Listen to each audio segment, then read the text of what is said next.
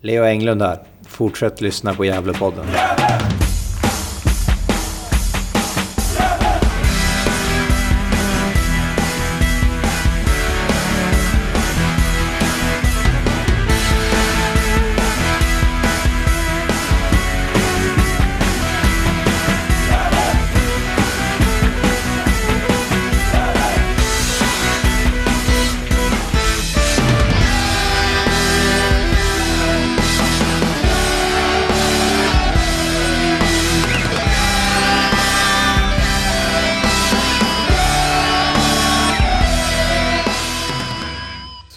Där, då hälsar jag varmt välkomna till ett nytt avsnitt av Gävlepodden.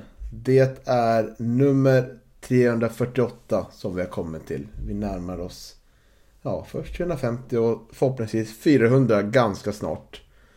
Med mig denna gång att samtala om Gävle IFs tuffa period är Isak Muren från Uppsala. Varmt välkommen! Tack så mycket, tack! Ja, varför är Johan inte med då? Undrar kanske några. Ja, men nu har han ryckt in på jobb igen. Han har mycket att göra där så det, det, eh, det blev så att det bara är du och jag den här gången också. Precis. Jag skrev också att han kände sig lite gnällig också. Så ja. halva anledningen också tror jag. Ja, jo det kanske var så. Jag ville bara jag, jag ville inte att det skulle låta som framställa honom i så bra dagar som möjligt. Nej, det, det är bra. Ja. ja du Isak. Vi ska ju prata om 3-0 förlusten mot Västerås Sportklubb. Men vad ska vi mer nämna idag?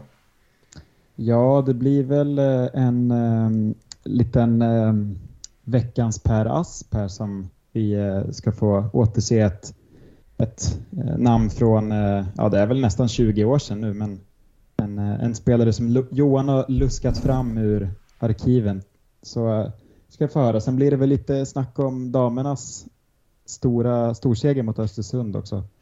Och så mm. får vi väl se om, vi spelar in nu eh, tisdag kväll, vi får väl se om det trillar in något, några uppdateringar från DM-matchen här som vi har mot SAIK också, men det, det, eh, det återstår att se.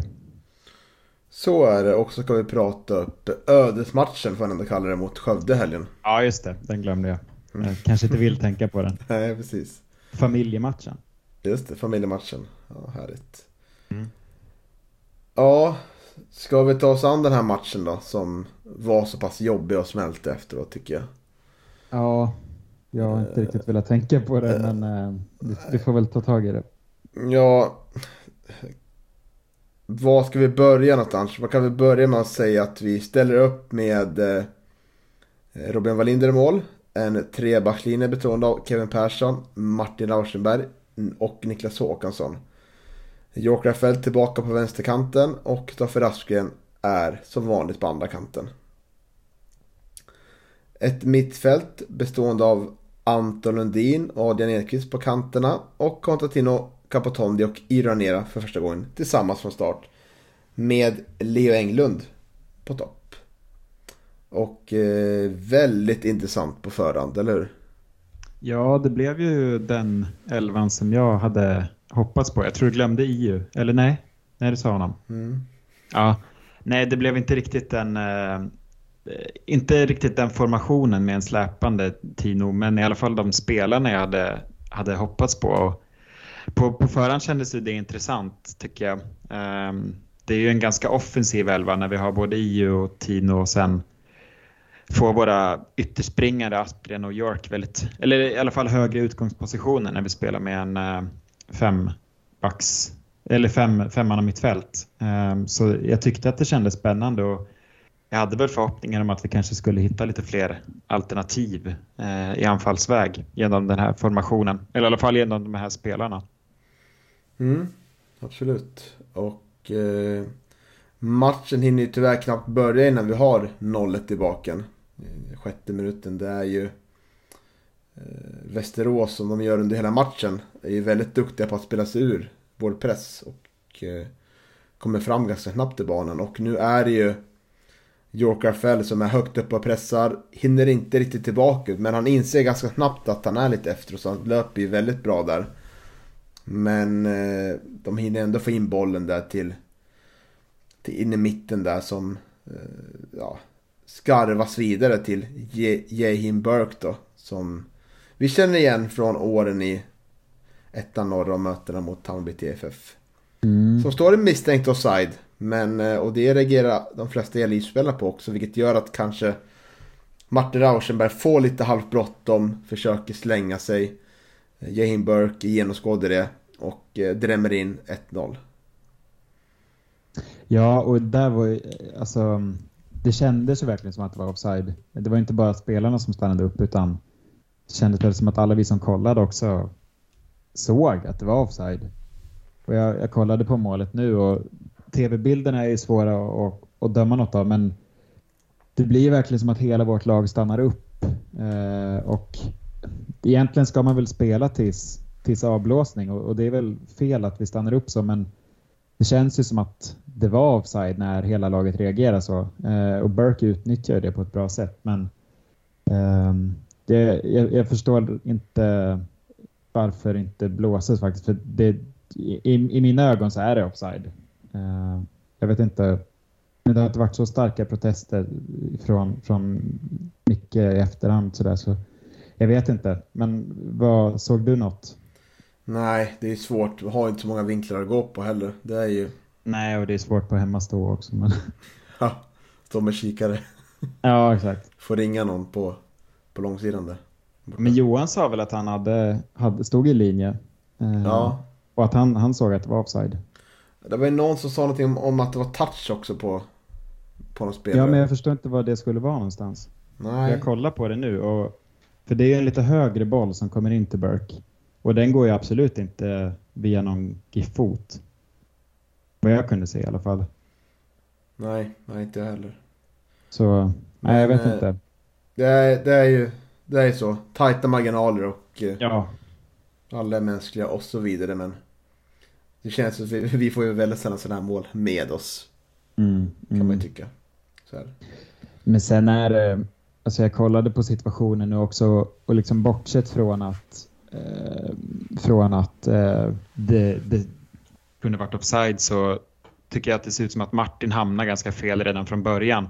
Han får ju väldigt mycket yta, Burke. Eh, och det, Alltså alla målen vi släpper till, vi kommer ju till det senare, men de avslutarna på målen får ju väldigt, väldigt mycket tid och yta när de ska skjuta. Um, och det känns som att det är missar vi gör genomgående vid alla Västerås lägen. Att vi, vi, släpp, vi, vi låter dem få för mycket tid och då blir det ju sådana här farligheter. Speciellt när de har en sån bra målskytt som Burke. Ja, och framförallt när vi spelar med ganska hög press den här matchen. Mm. Försöker ligga på mm. som ett lag men de löser den här pressen och då blir det många, många ytor där bakom. Eh, så det, det är ett bra lag vi möter. Mm. Kan jag känna så här eh, tre dagar eh, efter matchen. Att det är ett riktigt bra lag vi möter. Det är topplag.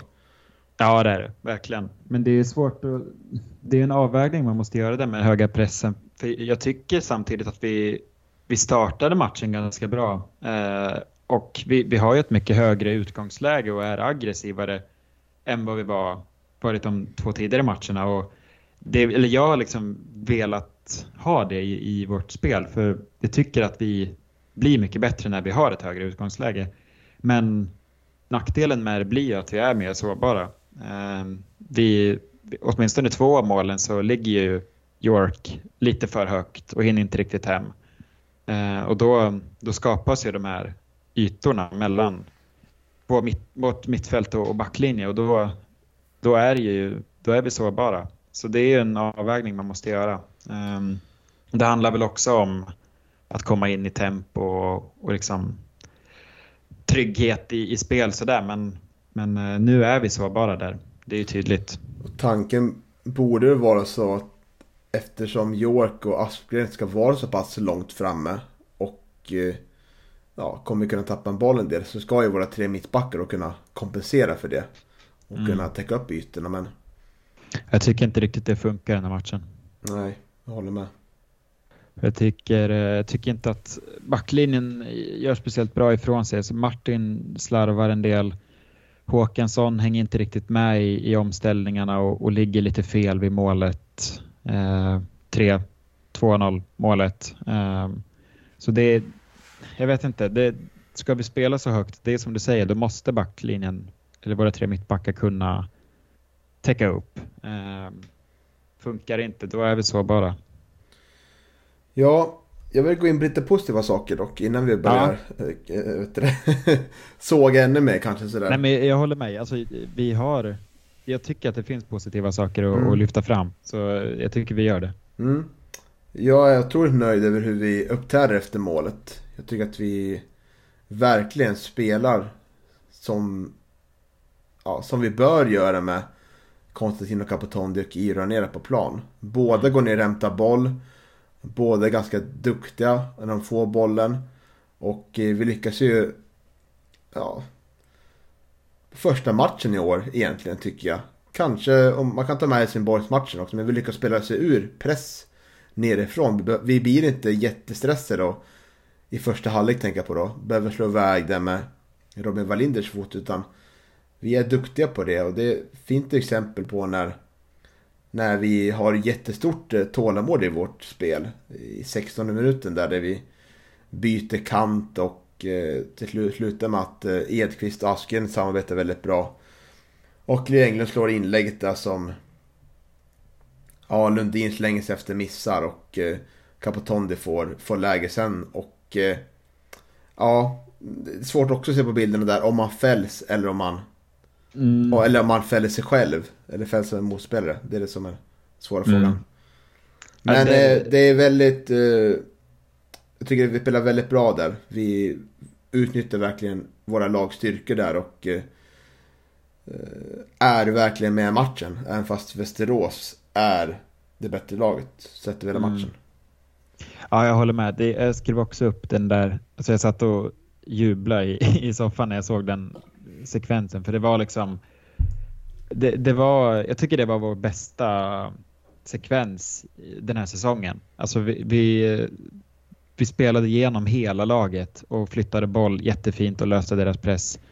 Um, och liksom passningarna kom exakt i rätt lägen.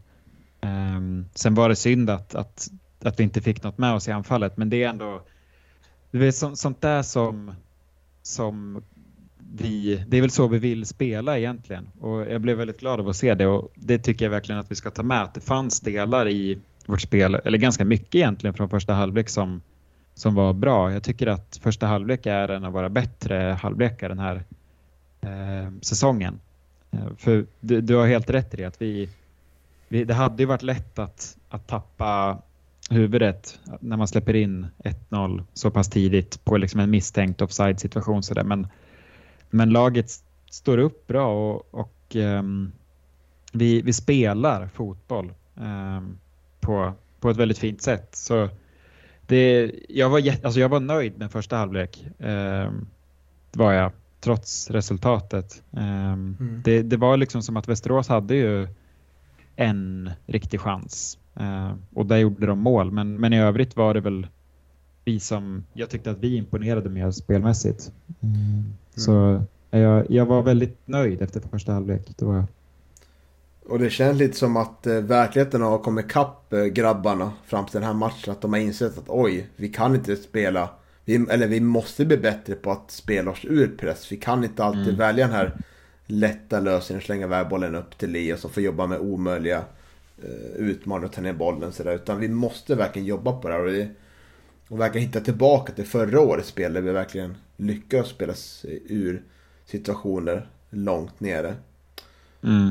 Men eh, sen, sen, finns det ju perioder också tycker jag där vi faller tillbaka lite i, i gamla trender. Framförallt andra halvlek då. Där vi tappar tålamodet fast, fast vi har tid liksom med att göra saker med bollen. Så slår vi långt och tappar bollen. Och eh, vi lyckas inte bibehålla spelet där. Det kan ju såklart ha att göra med att de gör 2-0 ganska tidigt sådär. Jag tycker mm. även se vissa sådana tendenser i första halvlek också. Så det, det, är väl det positiva vi kan ta med oss tycker jag, den här matchen. Att det, det ser eh, bättre ut i vårt egna spel. Ja, jag håller med. Om vi, mot Landskrona hade vi ju inget eget spel. Eh, och det var väl lite det vi efterfrågade i, i förra podden att vi, vi, det var väl liksom inte så att vi var säkra på att vi skulle ta en trea men ändå att få se ett eget anfallsspel och att vi, att vi vågar spela. Och det tycker jag ändå att, att vi gör, inte hela matchen um, men det finns sekvenser och ändå som är väldigt bra och sen finns det liksom ett, men ett, ett grundspel i första halvlek som jag tycker är bra uh, som, som håller mot bättre lag. Um, sen, sen faller vi ur det men men det är väl en sån sak vi måste, måste bli bättre på, att, att upprätthålla det här över tid. Eh, men, men det är också svårt när vi, när vi släpper in mål i liksom, sådana känsliga skeden av matchen. Precis i starten av de båda halvlekarna. Då blir det ju svårt att, att uh, spela. Uh, speciellt i andra halvlek. Mm. Ja, för att eh, om vi ska hylla def- eller offensiven så är det väl defensiven vi ska, kanske ska klanka ner på mest här. Ja, det är det. Det 2-0 målet är otroligt billigt. Alltså vi blir sådär mm. pass, passiva när vi ändå är flera spelare runt.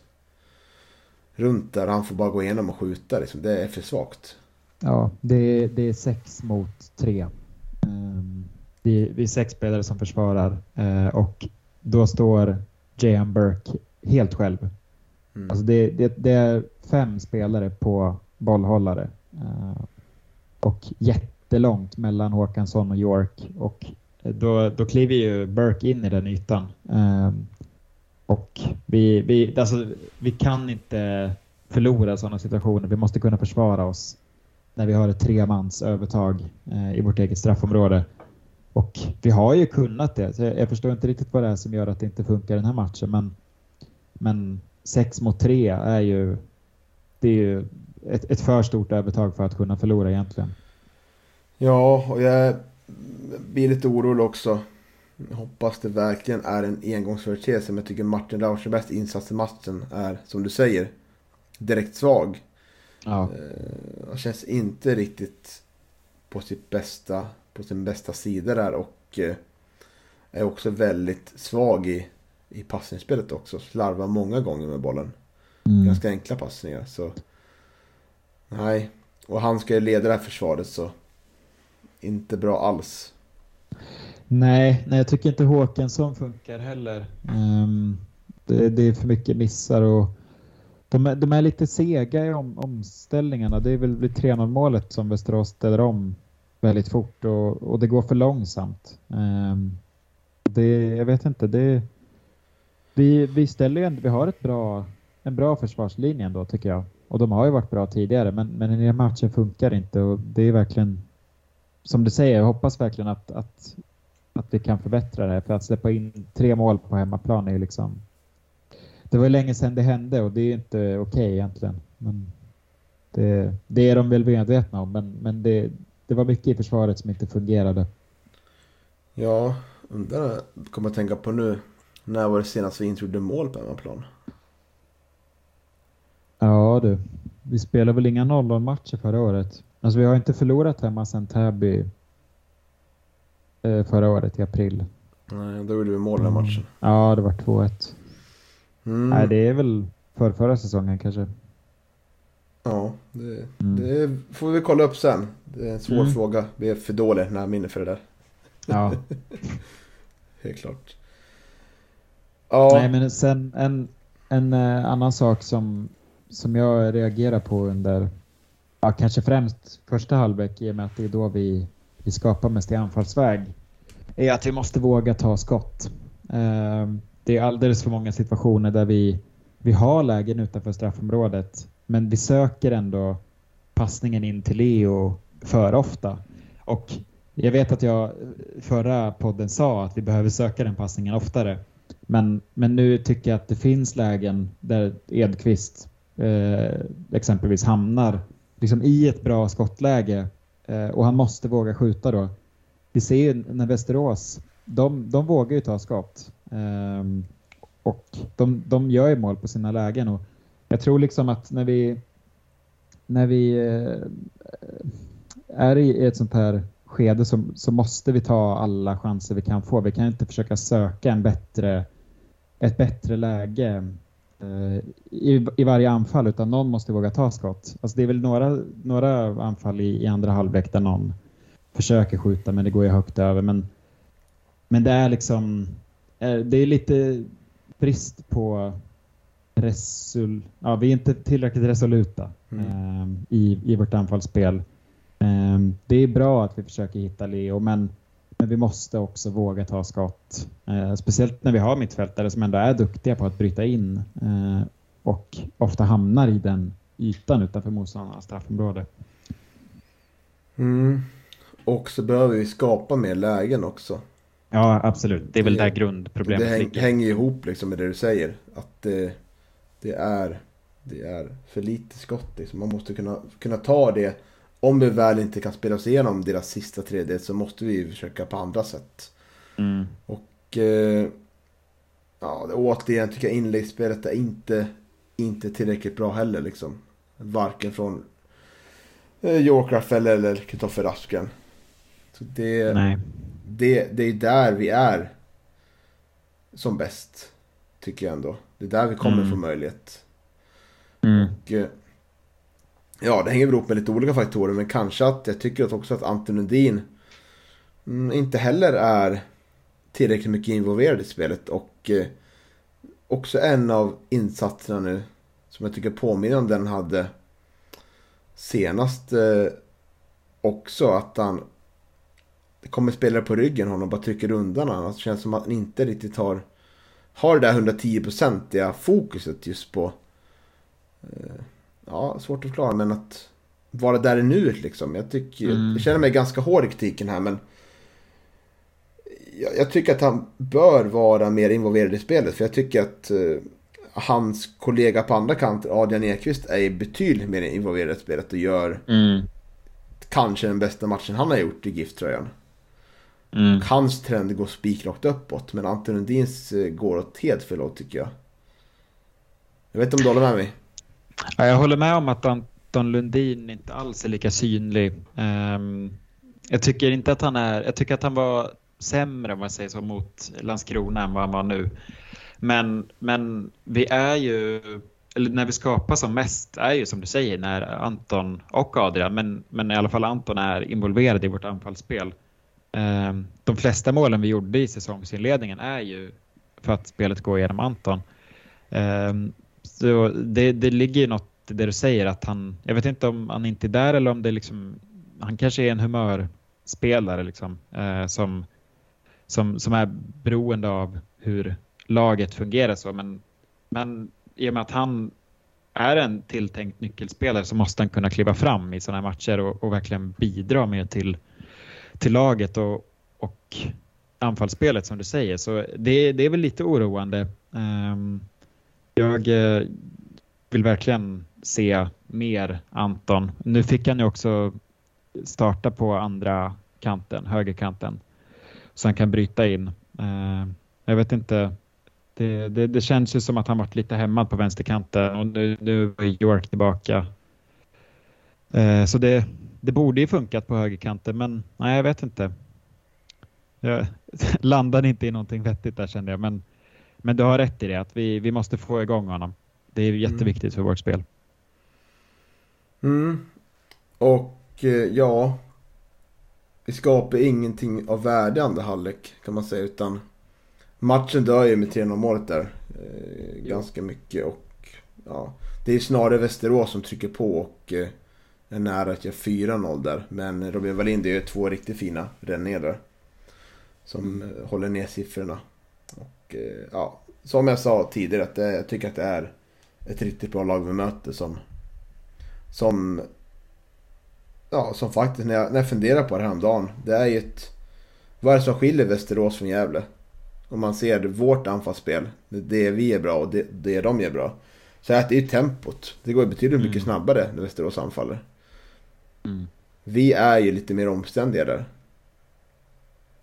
Och eh, det är, det, är, det är så det är just nu liksom. Och, eh, det är möjligt att vi kan komma upp på lite högre nivåer. Men svårt att se att vi kommer komma i närheten av lag som Västerås som jag tror kommer vara topplag. Det är jag ganska övertygad om efter den här insatsen. Mm. Nej, jag håller med, helt med. Det går fort och, och vi har inte det tempot. Um, det, det är väl liksom... Jag vet inte om det är ett symptom sedan tidigare att vi, att vi vill flytta boll och söka bästa läget hela tiden och då hinner ju motståndarna samla sig. Men det, vi, om vi ska kunna hävda oss och, och göra mål på andra sätt än omställningar så, så måste vi ha ett rappare anfallsspel. Um, och nu har det ju gått två matcher när vi inte gjort mål. Vi har 0-4 i målskillnad um, de två senaste matcherna och det, det, tycker jag känns lite oroande. Um, mm. det, det gör det. Vad skulle du ge för beröm och eh, potential i duon Capotondi där nere då? Uh, nej men jag tycker att det funkar bra i första halvlek. Uh, vi får ett, ett liksom bollskickligt mittfält. Jag tycker att vi har eh, stunder där vi flyttar boll väldigt bra och lyckas spela oss igenom press. Eh, det blir lite mer rörligt tycker jag eh, än, än eh, när vi spelar med Oskar Lundin och, och EU. sen Sen är det väl kanske inte ett lika tungt och starkt mittfält. Eh, och jag vet inte om det, om det jag tycker inte att det är där vi faller igenom. Eh, jag tycker att Tino är lite långsam i hemlöp vid 3-0 målet sådär men, men det är det är väl liksom det felar på andra ställen. Jag tycker att det är intressant och, och, kanske främst på hemmaplan när vi kan spela ut på ett annat sätt. Då tycker jag vi kan testa det här mer. För vi, vi flyttar boll och, och spelar på det sättet vi vill göra. Eh, det känns som att de rör sig över stora ytor på planen så, där, så jag tycker helt klart att vi kan fortsätta med det. Sen vet jag inte, det är tuff konkurrens där på mittfältet. Eh, jag har svårt att se att Oskar Lundin kommer starta på bänken eh, till förmån för, för Tino nästa match. Eh, men jag tyckte ändå att det kändes intressant och det är väl främst baserat på insatserna i första halvlek.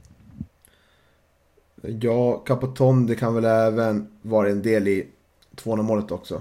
Det är han som kanske borde kunna ta bort Burke i första fallet där då. Ja, jo. Men jag, jag tycker att också, jag, tycker, jag ser mer, eh, mer potential i det än, ja, än, vad säger man? En, en stopp liksom. Att jag tror mm. att det kan mm. bara bli mm. bättre liksom. Jag tycker inte mm. att det att det finns så mycket svagheter förutom det fysiska liksom. Jag tycker att det, det var spännande att se liksom. Mm. Ja men verkligen. Ehm, det känns som att vi skulle kunna eh, hur, skulle ju kunna starta, kanske inte starta men i alla fall få mot Skövde så, så känns det ändå som att vi kan ha möjlighet att spela. Det är väl ett fysiskt lag men vi hoppas att vi, att vi vågar spela då. Um, för det känns som att det lätt kan bli så i sådana här skeden när vi har fyra raka utan vinst att vi liksom safear mer. Men jag hoppas att vi vågar bygga vidare på det spelet vi hade i första halvlek mot Västerås. Eh, för det känns ju som att det kan ändå generera i, i mål, eh, förhoppningsvis. Eh, och då, då hade det väl absolut varit en god idé att, att spela Tino och, och EU. För det, de är ju väldigt bollskickliga. Och snabba. Eller kanske inte EU, men Tino. Precis. Apropå snabbhet så, jag pratade ju i förra podden om att eh, jag eventuellt skulle vilja se en fyrbackslinje där. För att det skulle bli mm. mer numerärt överläge. Eh, mer framåt då, men kanske ta tillbaka det efter, efter kanske nu har har insett efter den matchen vi har ganska långsamma mittbacks. Vi kanske behöver ha tre stycken där bak ändå. Eh, det här är inga snabba någon av oss och dem. Och Nils Eriksson är inte heller Mm, jättesnabb sådär. Kanske lite snabbare dock. Ja, men jag vet inte. Det, det känns ändå som att... Det är, alltså, om, om det är någon vi ska bänka tycker jag att det är Håkansson. Uh, men jag tror ändå att vi bör starta med tre mittbackar. Um, så det är väl i så fall att byta ut någon av dem. Men, men uh, jag tror kanske inte att vi, att vi bör ändra för mycket. För det, jag, jag tänkte på det att det är ju ändå, vi gör ju ganska mycket ändringar i formation och startspelare så där. Det känns inte som att vi hittat riktigt rätt än. Um, och det är väl en sån som oroar lite att vi ser ändå förändringar i, i formation mellan matcher och sådär att vi har inte hittat något grund, en grund som funkar över 90 minuter och då måste vi hålla på att ändra så här. Det känns som att vi hade behövt en, en stabilitet i, i, laget för att kunna bygga vidare på någonting. Um, sen, sen vet jag inte om stabiliteten ligger i att starta med samma elva eller formation som har spelat fyra raka utan att vinna men, men det känns som att vi kanske inte kan hålla på att ändra så mycket. Det har ändå gått en månad av säsongen nu. Mm. Precis. Eh, vi fick ju se Jakob Hjälte göra comeback. Mm. Väldigt glädjande. Fick spela någon slags innermittfältare. Eh, gjorde väl inte något jättestort väsen av sig. Som inte de andra avbytarna gjorde heller. Så. Men bra att han får matchträning. Spelar väl kanske DM ikväll. Ja exakt, han startar mot eh, SAIK mm. på järnballen. Det är ett viktigt, eh, viktigt nyförvärv får man ändå säga. Mm. I, I vårt lag. Ja, verkligen. Jag, jag, blev väldigt glad av att se Hjälte på plan. Um, det är ju liksom ett år sedan sist han, han spelade fotboll. Eh, så det, det, var väldigt glädjande. Och jag tror som Micke och Hjälte var inne på i intervjun efteråt i GD, att han kommer ju med tiden växa in till att bli en bra superettan-spelare. Han är ju så fruktansvärt smart i liksom löpningar och, och vilka ytor han tar. Så jag hoppas att han att, eh, att det går relativt fort att komma in i matchtempo och sådär. För vi kommer behöva honom och hans eh, smartness. Liksom. Mm. Hur, hur mår du Isak efter en förlust? Kan du ta med, jag, jag har en, jag har en vet du, jag kan dra min sen, men jag tänker att du får börja här hur, jag, hur du mår efter en förlust så berättar jag sen. Hur, hur går din emotionella resa? Mm, alltså jag måste säga att jag har blivit bättre på att hantera det. Eh, jag kommer ihåg att den säsongen vi åkte ur superettan så tog jag förluster så fruktansvärt hårt. Eh, men då minns jag att det var som som att det, det gick sönder någonting i mig när jag såg Gävle för att det, det var, vi var så uddlösa. Och då kunde jag verkligen, jag mådde så dåligt efter matcher. Det var liksom dränerande att se. Um, och sen förra säsongen gjorde ju någonting med, med att det, helt plötsligt var, det, var saker kul och jag hade liksom glömt lite hur, hur det känns att faktiskt hålla på Gävle. Eh, för det, det, är ju det är väl bara ett undantag egentligen eh, förra säsongen. Och nu, nu är man väl tillbaka till någon slags verklighet. Eh, jag tycker att jag blivit bättre på att hantera det. Ehm, men, men det är ju fortfarande väldigt tungt. Alltså, det, jag, jag var och såg Sirius igår och, och de släppte ju liksom, de, de gjorde en jättebra match och så släppte de in två mål i 87 och 89 minuten och förlorade matchen. Och då började jag liksom tänka på, på um, om det hade varit Gävle um, och hur, hur förstörd man hade blivit då. Uh, och ja, jag vet inte vad jag ville komma med det, men, men det är ändå det är ju en, en resa man går igenom och jag tycker att jag blivit bättre på att lite acceptera. Nu kan jag ändå se att Västerås är, var ett bättre lag. Um, och jag kan ändå se att liksom, saker som inte fungerade mot Landskrona som gjorde att vi förlorade. Och det är väl kanske en del, en anledning, eller en, en sak som har blivit av att jag nu ser matcher lite i uppdrag av att liksom podda om dem också. Att jag ser mer i spelet sådär. Um, men men det gör ju ont. Eh, det gör det. Ehm, men jag tycker att nu för tiden så är det liksom att jag blir gladare av en vinst än vad jag blir ledsnare av en förlust och det är ganska skönt. Ehm, det mm. ja. Det, jag vet inte om jag, om jag beskrev exakt vad jag känner men, men det, det är en svår känsla att beskriva. Oftast är det mest bara tomhet. Mm. Kanske skulle lättare beskriva fem minuter efter slutsignal. Ja, eller ja, nu har man ju några dagars distans till det, men jag, jag vet inte hur, hur bra svar jag hade gett då. Men, men sen är det också matcher där man förlorar med 3-0, så här, då, är det, då blir man ju bara ledsen, men sen är det det är ju det är värre att släppa in 1-0 i 91 liksom. Då är det ju bara då är det ju andra känslor som, som tar plats inom en än när man förlorar på det här sättet tycker jag. Um, men jag, jag, tycker jag blivit bättre på att hantera det. Mm. Nu, ja. nu blir jag nyfiken. Mm. ja. Det lät som att du hade någon riktig stort, stor, stort skop ja. här. Stor uppsats. ja.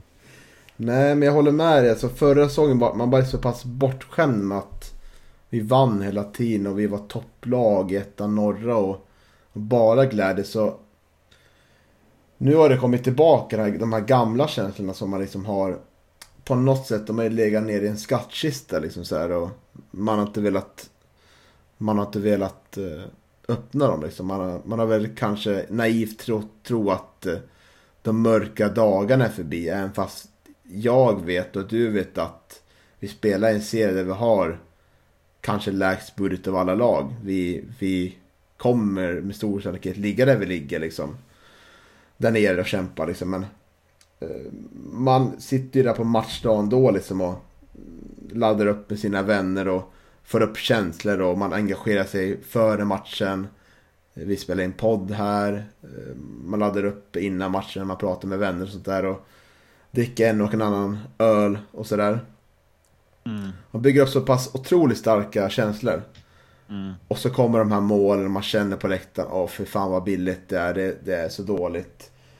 Och på slut på slutsignal känner man bara, det är så jävla dåligt känner man. Jag vill bara bort härifrån och jag vill inte prata fotboll, fotboll mer på hela helgen liksom och hela veckan liksom. Och på något sätt kan jag tycka att, ja det var väl ändå så här tycker jag tycker att det är väldigt fint i det liksom. Att man, mm. att man går in i det så pass, så pass hårt några dagar. Sen sitter det kvar till nästa match men det går ju över mer och mer för varje dag för man börjar sig framåt och peppar igång sådär men det finns en stor bottenle, bottenlös sorg över det hela liksom att, ja. att ja. liksom fan nu, nu förlorar vi här och de står, de står och sjunger på andra sidan och ska mm. inte de göra liksom någon ska få bära hästhuvud för att förlora så här. Man tänker bara, man tänker bara mörka tankar, typ sådär så. Eh, men det är väl tillbaka till lite det, till vilken klubb vi är liksom, att vi, vi har en identitet av att inte vinna några titlar, inte vinna några ligor liksom, utan mm. det ska vara tunga förluster kanske och det ska vara, det ska vara vinster och när det väl blir vinster så blir det världens firande på det liksom. Ja, nej men det är ju verkligen Eh, Eh, förra säsongen gjorde ju något med en att jag hade ju glömt lite. Det gick väldigt fort att glömma hur, det, hur illa allting kan vara. Eh, men, men jag har också tänkt sådär att, precis som du säger, att det värsta är över. Eh, och jag tror att det är det. Alltså jag tror, inte, det, jag tror liksom inte att vi kommer åka ur superettan, hoppas jag. Men, men jag har ändå tänkt att så, ja, det, det, kan gå dåligt men, men vi har ändå liksom en, det, det, är en annan kultur, vi har, det är mer positivism kring, kring Gävle nu. Eh, vi, vi har inte det här raset som vi hade förut, som gjorde, det var väl det som gjorde så ont igen, liksom att se att man står på något sätt maktlös inför, inför eh, förening som bara faller isär sådär. Men men eh, det, jag vet inte, nu, nu är det väl bara att vänja sig vid att det, vi kommer ju förlora den här säsongen. Vi, vi gör det. Eh, vi kommer inte tillhöra någon topp utan det, det är väl bottenstrid som gäller förmodligen och då på något sätt har jag väl ändå ställt mig in på det lite men, men det gör ju ändå ont i en att förlora och jag hade väl hoppats lite att vi hade kunnat bygga vidare på, på förra året mer. Eh, nu är det tidigt att säga, men, men liksom, efter de två första matcherna så, så var jag väldigt optimistisk. Och nu har väl det förbytts lite i en, i en annan känsla. men eh, jag hade hoppats att vi hade kunnat bygga vidare på den positiva trenden vi hade från förra året ännu mer in i den här säsongen. Eh, då, då hade det kanske inte blivit en, en så stor omställning som det uppenbarligen är nu. Men nu låter vi väldigt... Nu Ja. låter det som att vi, vi liksom står på randen till att åka ur. Det gör vi inte. Det gör vi inte, inte än i alla fall. Nej. Nej men jag tycker att det var intressant att se på olika perspektiv hur man, hur man mår som efter en förlust och sådär. Mm. Jag tycker att det är intressant att eh, man ska man lägga in massa känslor och ska man få visa massa känslor också. Ja, absolut. Och- Och sen blir det ju, nu har ju jag inte kunnat vara på plats eh, någon match än, så då, då är det ju liksom, det blir en annan det är sak. du som är syndabock, syndabocken alltså, jag borde... Ja, nej men på söndag framöver blir det mer. Men Då eh, vänder det. ja, ja, det är ju effekten. nej, men eh, det, det blir ju en annan sak att se det på, eh, på plats jämfört med på tv sådär. Ehm, och det, det märker man ju att man tar en förlust väldigt mycket hårdare på plats. och märker av den kollektiva sorgen som bara breder ut sig. Ehm, så jag får väl se om det blir något sånt man får uppleva på söndag också. Men Mm. förhoppningsvis inte. Nej, precis. Eh, ja, spännande. Det var, men, vi ska snart lämna det här nu tycker jag. Men ändå så här. Eh, när vi åkte ur Allsvenskan då var jag genuint ledsen liksom. Jo. Men när vi åkte ur Superettan då var jag ju... Då var jag... Ja, jag var så här förbannad med då liksom. För jag tycker att det Mm. var så jävla dåligt sätt vi åkte ur Superettan på. Mm. Så otroligt bra spelare egentligen men alla... Mm. Alla var där i Degerfors och typ inte brydde sig känns som. Nej, men då var det ju verkligen en misskötsel på ett annat sätt. Jag Mm. kommer också ihåg det att jag var att jag kunde vara arg på hur dåligt allt hade skötts. Ehm, och jag vet inte om det, det gör en mer, inte att man accepterar men det blir i alla fall en annan känsla av att man av att, av att det hade verkligen kunnat se ut på ett annat sätt om det var rätt personer som skötte det här eller om, om man hade gjort rätt från början. Och då, då känns det alltså onödigt som du säger. Det, ehm, då, då hade man bara kunnat tänka rätt från början så hade man inte hamnat i den här situationen. Ehm, och det är väl en lite sån sak som man som varit symptomatiskt med Gävle eh, de senaste åren som jag tycker ändå är på ett bättre nu men, men att vi liksom inte riktigt byggt solitt från grunden. Eh, nu har vi gjort det, vi har gått upp i en serie och vi är ett bra lag men, men, men tidigare då var det verkligen att, man kunde känna sån sorg över att, att, av att det gjordes fel. Mm. Med det sagt Isak så lämnar vi detta sorgesegment. Hur man hanterar Ja. förluster. Kanske en handbok till några supporter ute. Ja. Eller inte. Sa, sa så mycket handfast sådär men Ja. Mm, jag tänker att vi ska eh, ta matchens tre stjärnor. Tänker Ja, jag. just det. Mm. Mm. Där tänker vi lite olika men vi gör nästan med samma spelare va? Mm. vi kan väl börja på en stjärna. Mm. Jag har ju sagt, sagt Robin Wallinder där. Jag tycker att han gör en fin match igen. Mm. Gör ju två riktigt fina räddningar i andra halvlek och är allmänt bra. Så jag tycker att han förtjänar att nämnas. Ja, jag håller med. Eh, det är synd att det blir en match där han släpper in tre mål. Eh, men det är inte han som kan lastas för något av målen. Eh, och det är som du säger, han gör fina räddningar som håller ner i siffrorna. Så jag, jag tycker att Robin är stabil. Eh, sen är det synd att, att han inte får den hjälp han förtjänar av försvaret nu. Men, men han, han gör det ändå bra. Mm. Så du håller med om Robin där? Det gör jag. Mm, kul, då får du ta din två. Ja, som två stjärnor har jag satt eh, Adrian Edqvist. Eh, jag håller med om det du säger, eh, eller sagt om honom tidigare, att han är ju i en uppåtgående formkurva och eh, han, det är ju han som är en stor bidragande del i vår offensiv eh, när han bryter in och, och eh, men liksom är farlig i omställningsspelet sådär. Eh, tycker väl att det som gör att han inte riktigt förtjänar tre stjärnor är väl att det är en del slarv och, och bolltapp sådär som, som hade kunnat minimeras. Ehm, men men han, han är bra och viktig för vårt anfallsspel tycker jag. Ehm, det, Mm. Ja, jag kan väl ändå säga att när vi ändå är inne på Adrian kan vi fortsätta prata om han. Jag har ju han som tre stjärnor. Jag tycker att han är Mm. klart bäst i matchen. Jag tycker att han eh,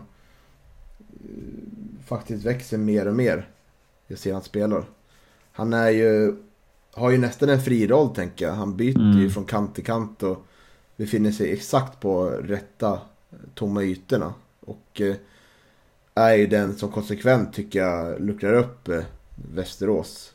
Eh, som gör att vi kommer, kommer fram till, till ja, nästan lägen i alla fall. Och i vissa fall lägen är med det. Så jag tycker att han är den klart bästa spelaren. Även fast som du säger så sviker han ju lite andra halvlek där med lite bolltapp och så. Mm. Så vi får diskutera lite där hur vi ska göra. Jag har i alla fall Kristoffer Aspgren som två Mm. med två stjärnor. Mm. Eh, aktiv på sin kant, också bidrar både defensivt och offensivt och eh, ja, som vanligt väldigt bra tycker jag. Mm. Ja, Johan, han, han är ju bra. Jag tycker kanske inte att han är lika framträdande som, som tidigare matcher, men, men det, han gör ju aldrig en, en dålig match. Jag har satt eh, York som, som min trea. Eh, jag tycker att det liksom redan från de första minuterna blev tydligt hur, hur mycket vi saknat York och hur mycket han behövs i vårt spel. Det är väldigt mycket som, som går genom honom ute på vänsterkanten. Han känns spelsugen eh, och är väl liksom den, den kreativa motorn där på vänsterkanten som vi behöver i vårt spel eh, för att det ska kunna fungera med att ha tre, tre mittbackar och, och två wingar sådär. Ehm, nu när jag sett eh, målen i efterhand så, så ser jag ju att han hamnar ju väldigt högt upp som vi diskuterade tidigare eh, i, i sin press. Och det är bra att han har den utgångspunkten men det resulterar ju även i att vi blir eh, korta i, i vårt försvarsspel och släpper in mål eh, på ytor där han kanske hade behövts i försvaret. Eh, så det hade väl kanske kunnat dra ner betyget lite. Eh, men jag tycker ändå att han är en av de bättre på plan eh, fram tills, i alla fall i första halvlek, men fram tills han byts ut. Han, han klarade inte eh, mer än 60-65 minuter. Va? Men, men det känns som att vårt grundspel får ett lyft när vi har York Rafael på, på plan. Eh, tyckte jag. Mm. Ja, han gör en fin insats tycker jag också. Tycker att det, det vi har pratat om det defensiva kanske håller tillbaka hans insats Mm. eh, lite mer sådär. Men, Men man- eh, man, han man får en, skulle- man får en tvåa då. Adrian får en trea. Ja, det var exakt det jag tänkte. Det känns rättvist. Ja, eh, För diplo- det, alltså, Diplomater bara två här. Fantastiskt. Ja, nej men det, det har rätt i att målen, det drar ju ner. Det gör det. det. Det tog jag kanske inte i beaktning när jag satte det här direkt efter match. Men när jag sett det i efterhand så, så är det ju missar där. där. Mm.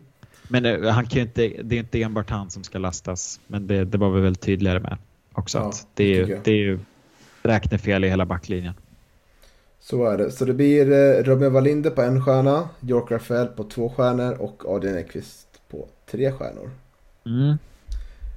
Vi är långa så vi behöver inte nämna några andra spelare tänker jag. Utan eh, vi drar oss vidare va. Ja, det gör vi. Och då ska ni få ett efterlängtat segment i podden. Nämligen veckans Per Asp. Denna gång om Johan Claesson. Kör igång Johan. Du, vad hette den där mittbacken som, ehm, Som... Eh, som fick rött kort? Borta mot typ... Eh, eh, men kom väl från, vad heter de? Där i samma veva som... Veckans Per Asp! Ja, kära lyssnare. Den här gången i veckans Per Asp så fortsätter vi den inslagna vägen och presenterar ännu en mittfältare. En spelare som haft en viktig roll i vårat Gävle, men ändå fört en anonym tillvaro i skuggan av mer framstående spelare. Den här gången har vi valt att lyfta fram Johan Claesson. Han börjar sin fotbollsbana i lilla Hagby IK som ligger mellan Uppsala och Enköping. Johan bytte dock tidigt till Sirius och gjorde där debut i A-laget redan som 13-åring.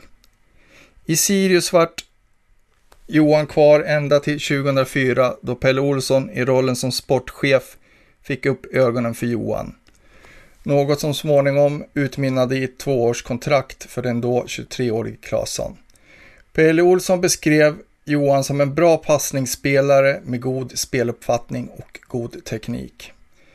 Huruvida det stämmer minns jag inte riktigt, men under de fyra allsvenska säsongerna han representerade Gävle spelade han 97 av klubbens 108 matcher.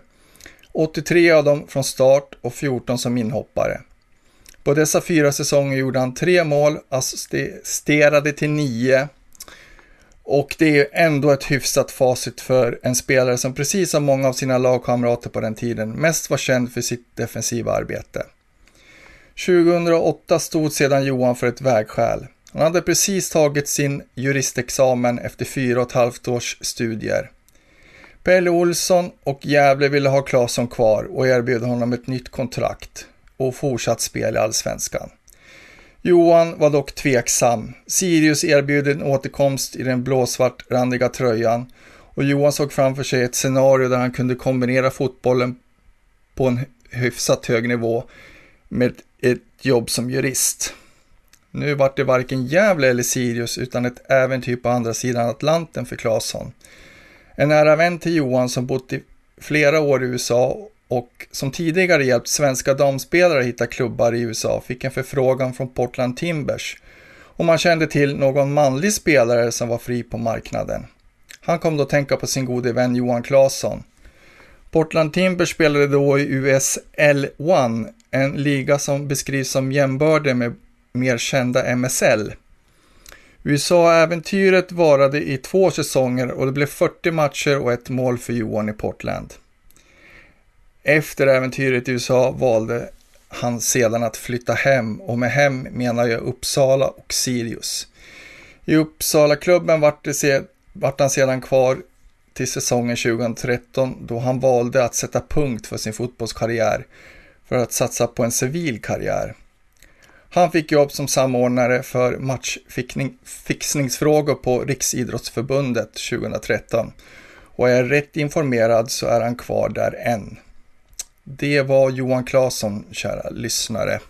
Tack för mig. Ja, Isak. En Uppsala-bekantning skulle man kunna tro, men lite före för din tid va? Ja, jag var inte gammal när han, när han kom till Gävle. Det var jag inte. Eh, så han, han har väl, vi har inte riktigt tajmat varandra. Men det var kul att höra om Johan Claesson eh, och hans USA-äventyr också. Ja, det var, måste vara en av de första som verkligen åkte över dit och Mm. tog den vägen. Mm. Och Vad- eh, ja, Vad har du för minnen av honom? ja, det är intressant att han kommer 2005 men de flesta som man tänker på då det är ju det är Makondele. eh, Bland Mm. annat och eh, sådär. Så han är ver- verkligen bortglömd så han passar in i eh, Per Asp-segmentet tycker jag. Jag kommer ihåg att han fick spela en del högermittfältare. För Makondele utgick ju väl från vänster. Och, eh, eller om det var tvärtom kanske.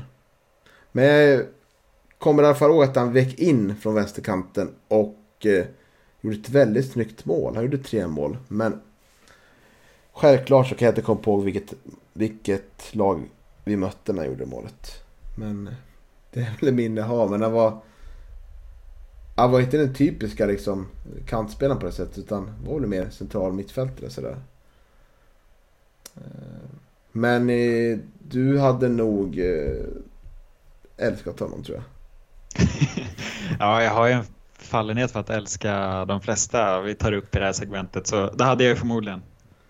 Skulle kunna ha med honom i Gävlepodden möter framöver tror jag.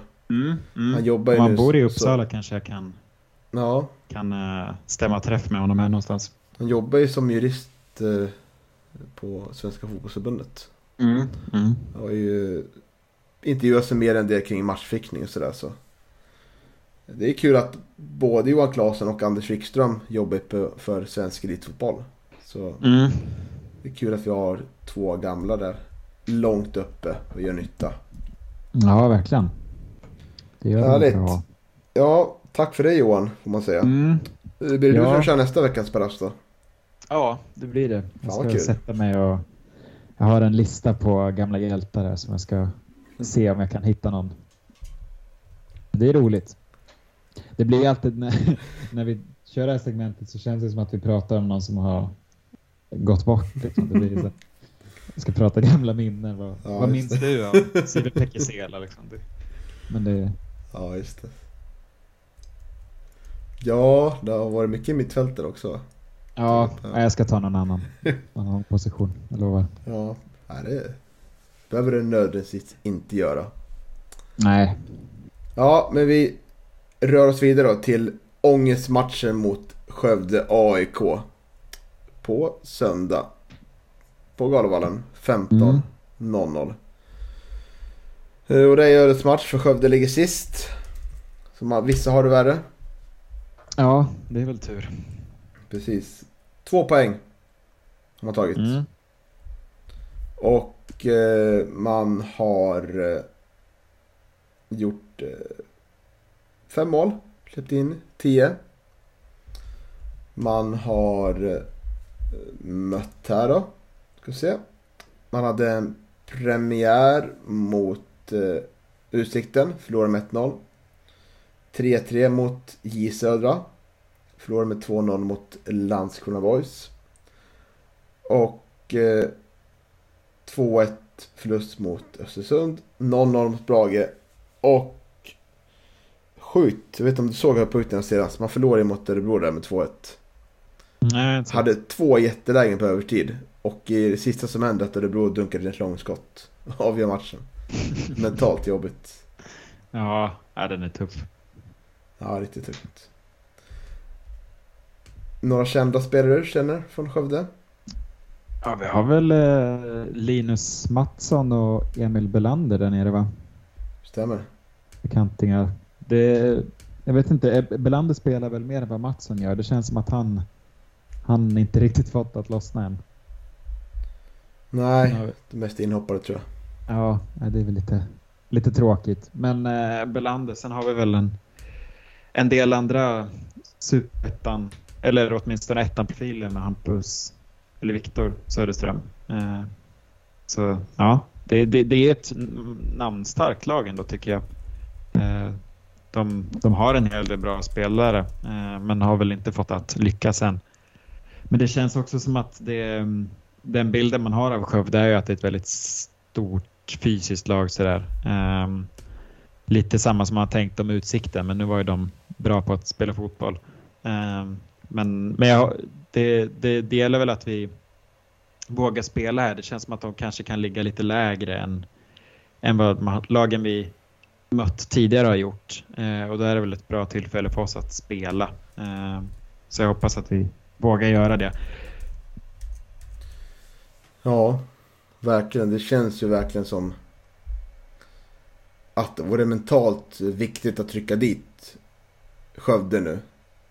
Så att de fortfarande får kvar där nere som är verkligen eh, fastnade där nere. För nu börjar vi närma oss omgång 10 och då tycker jag ändå man kan fastslå att serien börjar sätta sig lite. Så att man, man kan se vissa skikt liksom av, av serien. Liksom, vilka som kommer tillhöra botten, vilka mitten och eh, toppen. Ja, jag tror det är viktigt att distansera sig från den absoluta botten tidigt. Ehm, och det, det är verkligen det är en måste-match. här. Vinner vi så går vi ändå upp på 10 poäng och, och då, då är det ju bra långt ner till Trelleborg, Helsingborg och, och Skövde där. Ehm, och det, de matcherna som kommer sen, vi har ju Brage, ÖIS, Sundsvall, Örebro, Öster. Det är tuffa matcher ehm, Mm. innan uppehållet. Så det gäller ju verkligen att vi, att vi lyckas ta tre poäng här. Ehm, det, jag skulle väl säga att det är en nödvändighet eh, faktiskt. Mm, verkligen. Och eh, Skövde är ett lag som spelar på ett speciellt sätt. Det är en del långa bollar uppåt och man, man vill gärna ha fasta situationer för man är ganska duktig på det. På hörnor och frisparkar. Och eh, vi får hoppas vi har läst på det. Att vi verkligen är skickliga där. Får Oskar Lundin tillbaka också. Välkommet. Och vi har ingen Mm. annan avstängd eller skadad vad jag vet.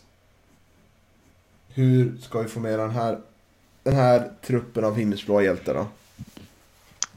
Ja, med tanke på att Skövde förmodligen kommer söka fasta så känns det ändå som att det kan vara bra att starta med tre mittbackar så som vi gjort. Alltså tre stora mittbackar. Eh, känns som att vi kommer behöva tyngd i vårt eget straffområde.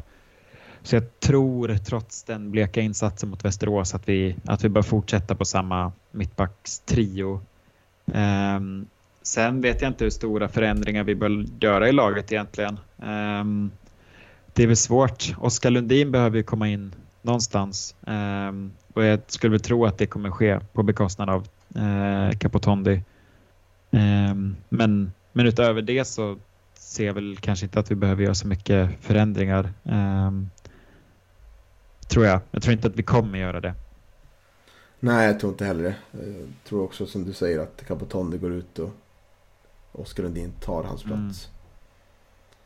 Nej, det är viktigt att komma tillbaka på vinnarspåret igen och göra mål. Så hoppas folk tar sig dit. Det var ju 1 och 7 i lördags mot eh, VSK. Fick jag tycka var några hundra för lite i alla fall.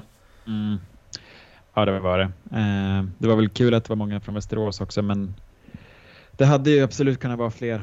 Eh, och nu är det familjematch på, på söndag också. Galanto ska visa upp sig. Eh, oj, det, oj, oj. Stort ja, ögonblick. Ja, det är det. Det är det. det är där, därför du åker hit va? Ja, ja.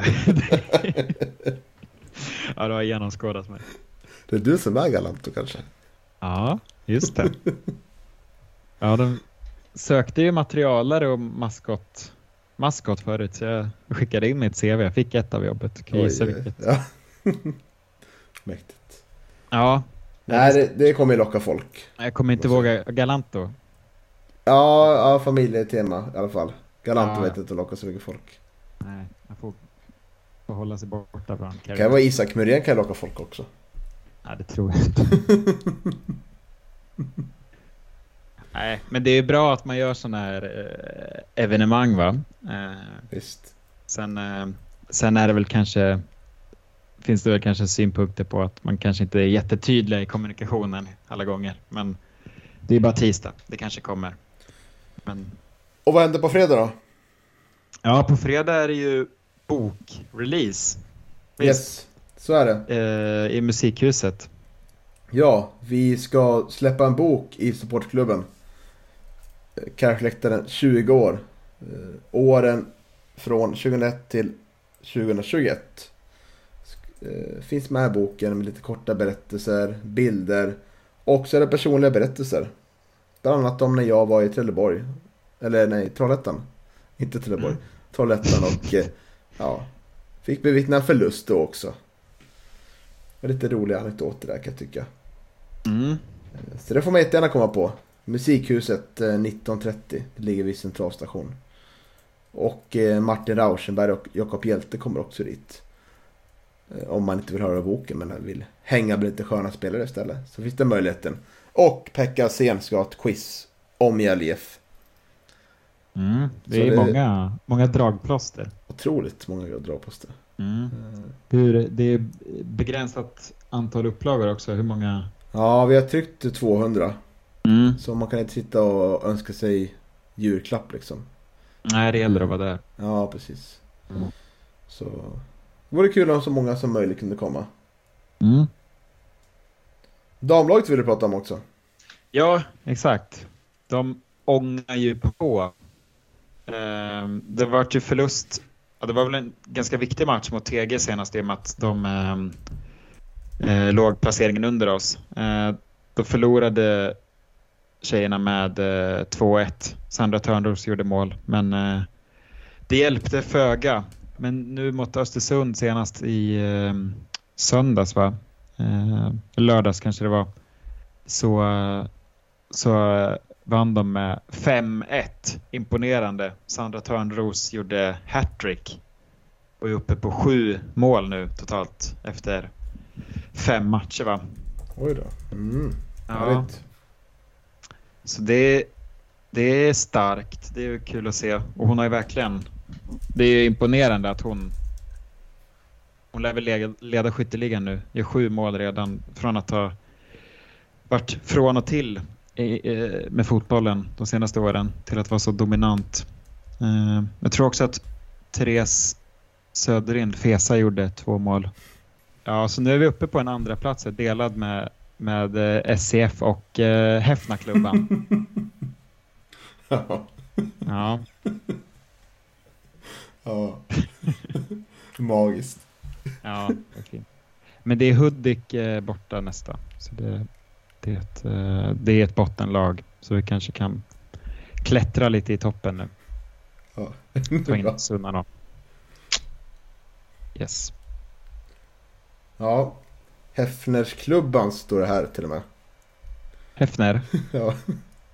På fotboll- fotbollstabeller.nu. Ja, ja. Mm. Det går bra för dem i alla fall. Det är kul. ja. Härligt namn. Ja, det är det. Oj, ja. Så kul kanske inte var men ja. Nej, det är sent. Ja det är det. Ja. Men ska vi runda av då?